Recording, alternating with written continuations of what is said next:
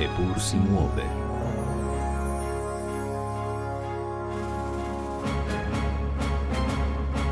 In vendar se vrti.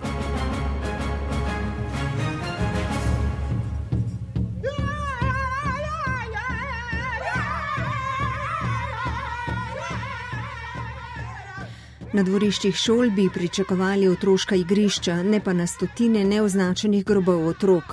Ta odkritja na območju državno financiranih nekdanjih katoliških, pa tudi anglikanskih in protestantskih internatov je sicer pretresla vse ostale razen staroselskih skupnosti. Poglavar Moskemov Howard Grant.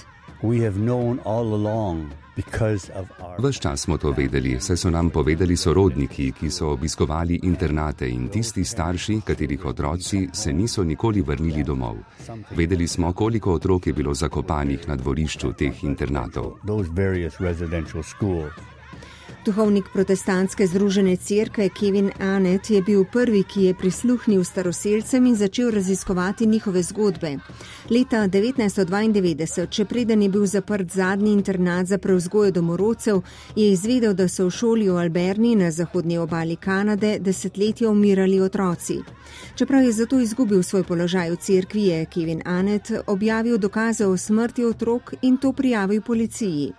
Raziskava o dogajanju v cerkvenih internatih pa je razširil na vso Kanado.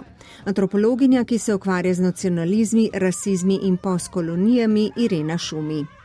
Razsežnosti okrutnosti v teh šolah so se začele s prisilnimi ugrabitvami otrok, ki so potem zaradi slabe prehrane, zaradi mraza, zaradi domotožja, zaradi jedke tudi, ki je razsajala po teh inštitucijah, zaradi okrutnih telesnih kazni, ki so jih bili deležni, če so se spozabili in začeli med sabo se pogovarjati v svojih domačinskih jezikih, kar je bilo strogo prepovedano.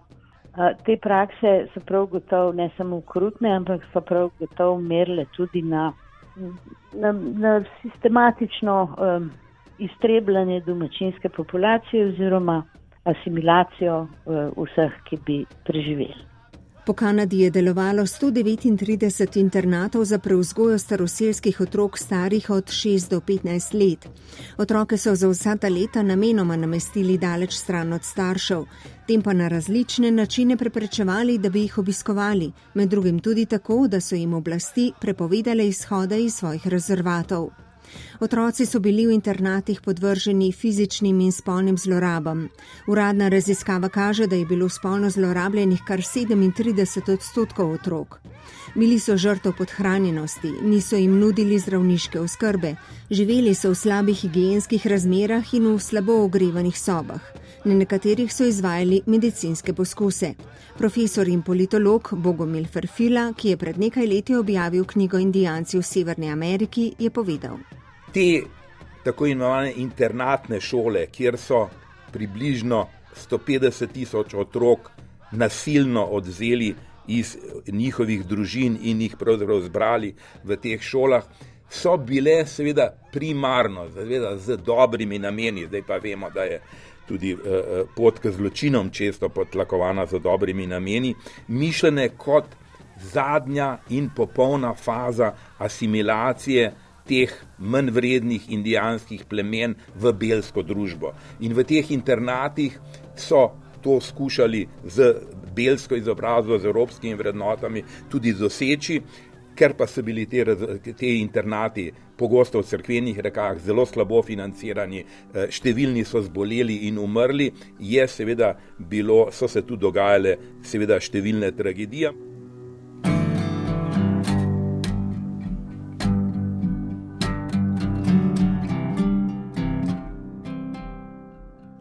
Jules, staroselka, ki je živela v internatu Kamloops, kjer so maja odkrili 215 neoznačenih grobov, je zlorabe opisala takole. Bili smo privezani in tepeni, lahko si vreščal in vreščal, tudi nikogar ni bilo, ki bi ti priskočil na pomoč. V internatu je med drugimi umrla tudi njena sestra.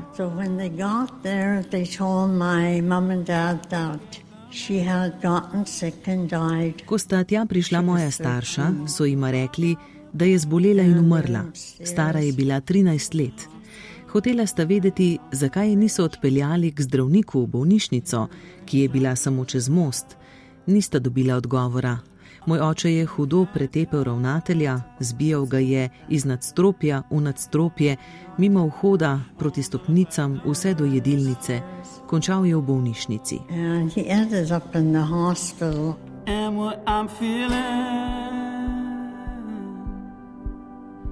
Is anyone's guess what is in my head? And what's in my chest? I'm not gonna stop. V zadju poslušamo pesem napisano v spomin na devetletnega dečka Čanja Venjaka, ki je oktobra 1966 pobegnil iz internata v Ontariju. Čez teden dni so ob železniški progi našli njegovo truplo. V njegovem žepu so našli samo kozarček s sedmimi žigalicami. Evelin Kamil.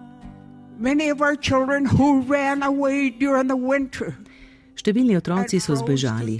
Med zimo so na poti domov zmrznili in umrli. Oni pa so zatrjevali, da jim gre dobro tam, vendar čeprav so izginili iz internata, jih ni šel nihče iskat. No the residential schools were specifically built to take the Indian out of us. Internate so zgradili zato, da bi iz nas iztrgali indijanca, da bi nam vzeli jezik, kulturo in tradicije. Ampak to ni delovalo. Naša kultura, jezik in način življenja so še vedno tu in bodo vedno ostali del naših identitet.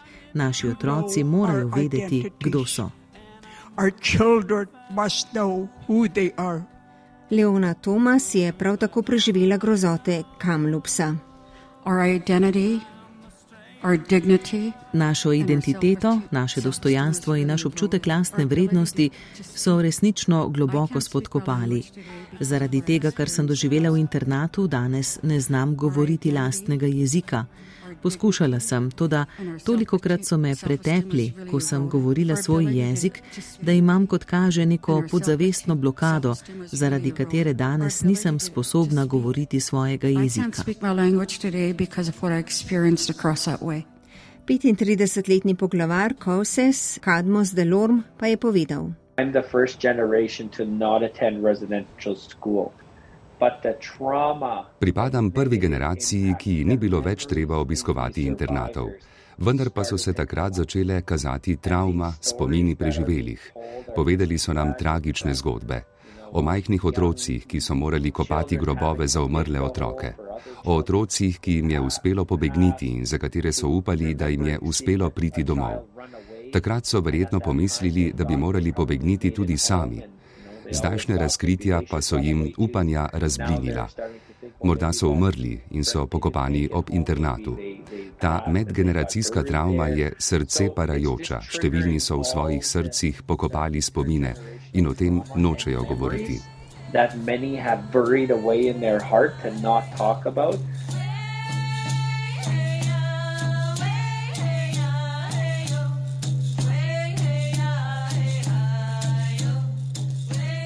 Obstoj prvih plitkih neoznačenih grobov so s pomočjo radarja, ki zaznava pod površjem zemlje, odkrili leta 2012.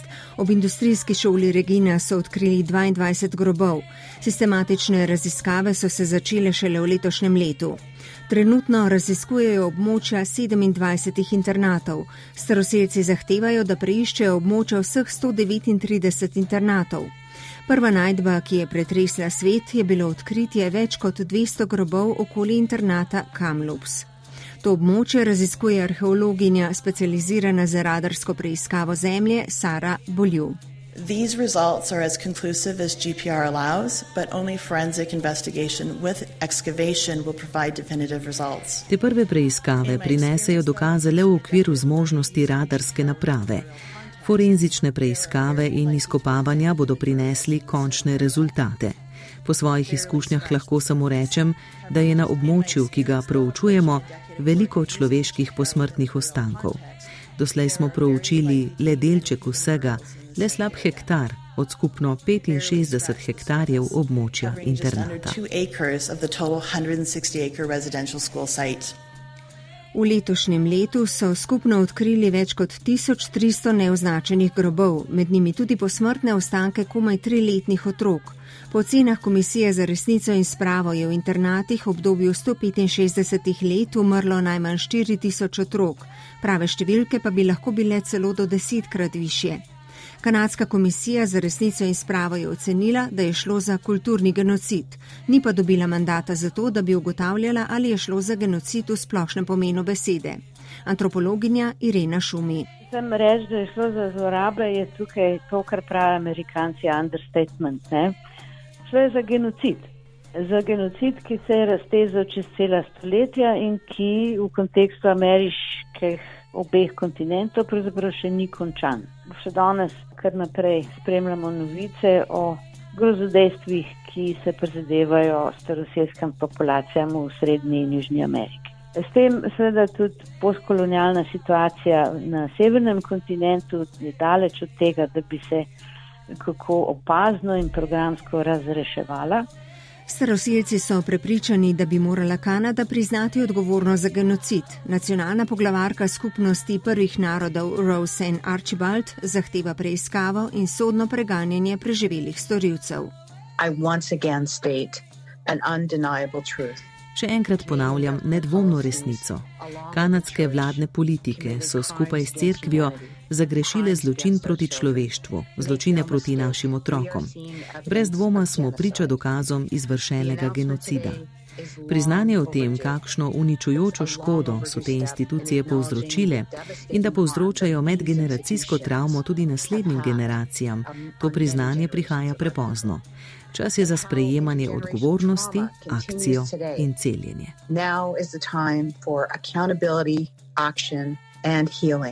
Poglavar Muskemov Howard Grant. Danes zato uporabljamo zelo kruto besedo genocid. Medtem ko je bila vojna in holokaust v Evropi, tukaj ni bilo vojne. Jemali so nam jezik, kulturo, način življenja naših družin. Genocid ima različne oblike. Tudi ko izgubiš otroke, ki jih zakopljajo ali pa se vrnejo kot živi mrtvaki. To travmo podoživljamo že več generacij, tudi danes.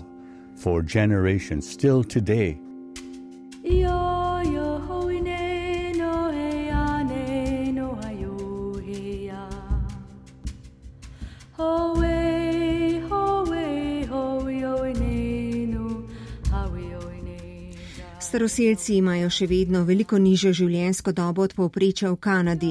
Kljub temu, da v kanadski družbi zauzemajo le manj kot 5 odstotkov, je njihov delež v zaporih več kot 50 odstoten.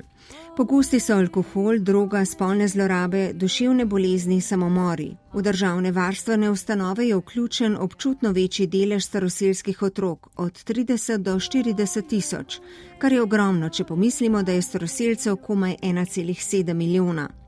Potomci evropskih priseljencev na nje še vedno gledajo skozi prizmo predsotkov. Vsako leto izginejo številne staroselske ženske in dekleta.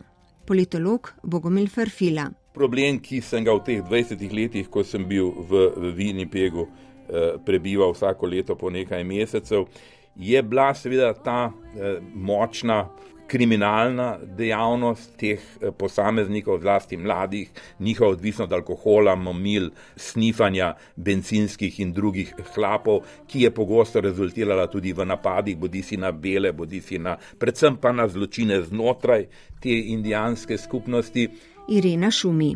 To, če mora biti zgrno rekel, nekoliko starinsko socialne patologije, seveda je treba zelo paziti, da tukaj eh, ne pride do rasističnega pogleda. Ne. Samomorilnost je dejstvo, da je zelo visoka v vseh starostih, posebej med nekaterimi skupnostmi, zelo zaskrbljujoče, recimo na Aljaski. Na drugi strani eh, domače nasilje, eh, alkohol in podobne stvari, seveda tisti vidni znaki tazga pokolonialne travme, ki pravzaprav tudi slovencem in slovenkam ni neznana.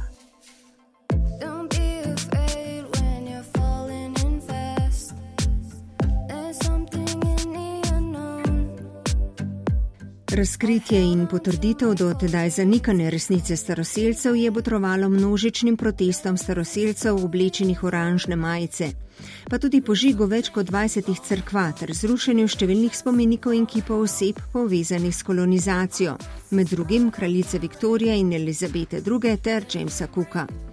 Po drugi strani pa so razkritja vzpodbudila kanadsko vlado, da komisiji za resnico in spravo vendarle nameni dovoljšna sredstva za nadaljevanje raziskave okolice nekdanjih internatov. Šolske oblasti pa so začele razvijati kurikulum, po katerem bodo otroke v vrcih in šolah odslej poučevali o grozodejstvih, ki so jih staroseljcem zadali v internatih. Kanadsko sodišče za človekove pravice je septembra vladi naložilo plačilo odškodnin nekdanjim gojencem internatov, njihovim staršem in starim staršem v višini od 27 tisoč do 55 tisoč evrov. Po ocenah naj bi jih živelo še 80 tisoč. Razpravljajo tudi o repatriaciji posmrtnih ostankov otrok. Ta eh, reparacijski dialog poteka, vendar se žal nanaša predvsem na preteklost, ne pa tudi na stvari, ki danes staroseljske skupnosti močno ogrožajo. Gre predvsem za spore glede različnih energetskih in drugih projektov na ozemlju staroseljcev. Razglasili so tudi prvi nacionalni praznik v spomin na žrtve in preživele grozoto v internatih, nacionalni dan resnice in sprave. Premijer Justin Trudeau je povedal, da s tem praznikom priznavajo škodo, nepravičnosti in medgeneracijsko travmo, ki so jo povzročili internati, sistemski rasizem in diskriminacijo v družbi, ter jo še vedno povzročajo. Profesor Ferfila. 30. septembra so v Kanadi sprejeli nacionalni praznik, dan odpustitve, dan sprave, vendar kar nekaj provinc, štiri ali pet provinc tega praznika ni prevzela, tako da se pravi, javnost je tudi tu deljena. Kanadske oblasti staroseljcem sicer omogočajo številne socialne pomoči in podpore. E, indijanci so sedaj ponovem mnogo bolj upravičeni, da vsak dobi svoje stanovanje ali hišo. In seveda beli priseljenci, naprimer, ki so pred leti prišli iz Evrope in še bi rekel, bodo potrebovali desetletja, da bodo prišli do svoje hiše, so zato pogosto nezadovoljni. Vse bolj je jasno, da zgolj socialne pomoči in dajanje hiš ne bo prispevalo k vključitvi indijancev, inuitov, eskimov in metijo v družbo. S pomočjo podjetniških vzpodbud skušajo staroseljce naučiti ustanavljati in preživeti svojimi podjetji. Eden najbolj uspešnih primerov je primer igralništva. Vlada je namreč indijanskim plemenom, da bi jim pomagala pri njihovem ekonomskem razvoju, dodelila možnost, da odprejo igralnice in te igralnice so zelo pogoste. Zanimivo je, naprimer, da je Donald Trump protestiral proti temu, ker so eh, konkurirali njegovim kazinojem v Atlantic Cityju, ampak te igralnice so se dobro prijele in na tisoče indijancev je tam dobilo zaposlitev in bi rekel, prosperirajo čisto normalno, tako kot vsi ostali eh, priseljenci. S tem, da morda je ugotovitev, da kot bi rekel prvotni prebivalci, ki se morda teže navadijo na evropske kulturne vzorce, potrebujejo dalj časa in več pomoči kot ostali.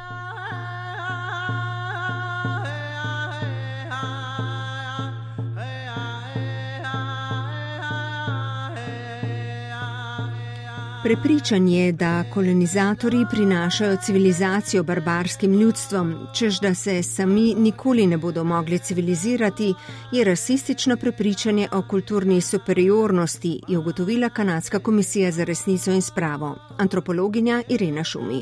Stvar sploh ni omejena na Severno Ameriko, da je cel kolonialni svet, te anglosaksonski svet, ki je imel te, to notranjo kolonizacijo periselskih prebivalcev, je sledil tem politikam. V Avstraliji je tudi identična zgodba s takimi prisilnimi internatskimi inštitucijami. In potem se je ta praksa razširila tudi na Evropo in je prizadevala zlasti romsko populacijo. Pomemben del poti do sprave so tudi opravičila ključnih akterjev kolonizacije, nekdani nacionalni poglavar skupnosti prvih narodov Perry Belgard. Date, uh, Doslej se je opravičila anglikanska crkva, opravičila se je presbiterijanska crkva, združena crkva. To, da bi preživele žrtve slišale opravičilo z najvišjega položaja rimsko-katoliške crkve, je pomemben del resnice in celjenja njihovih ran. In to je papež.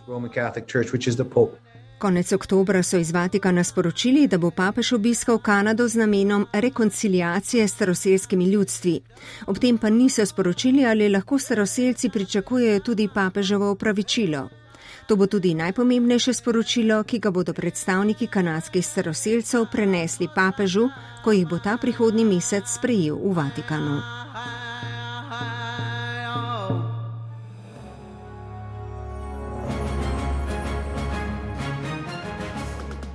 To je bila redna oddaja zunanje političnega uredništva Epursi Muove. Pripravila jo je Rajka Pervanje, oddajo je posnel Vladimir Jovanovič, prevode sva brala Mateja Perpar in Bernard Stramič. Oddaja je dostopna na spletni strani Radio 1, na voljo pa je tudi kot podcast.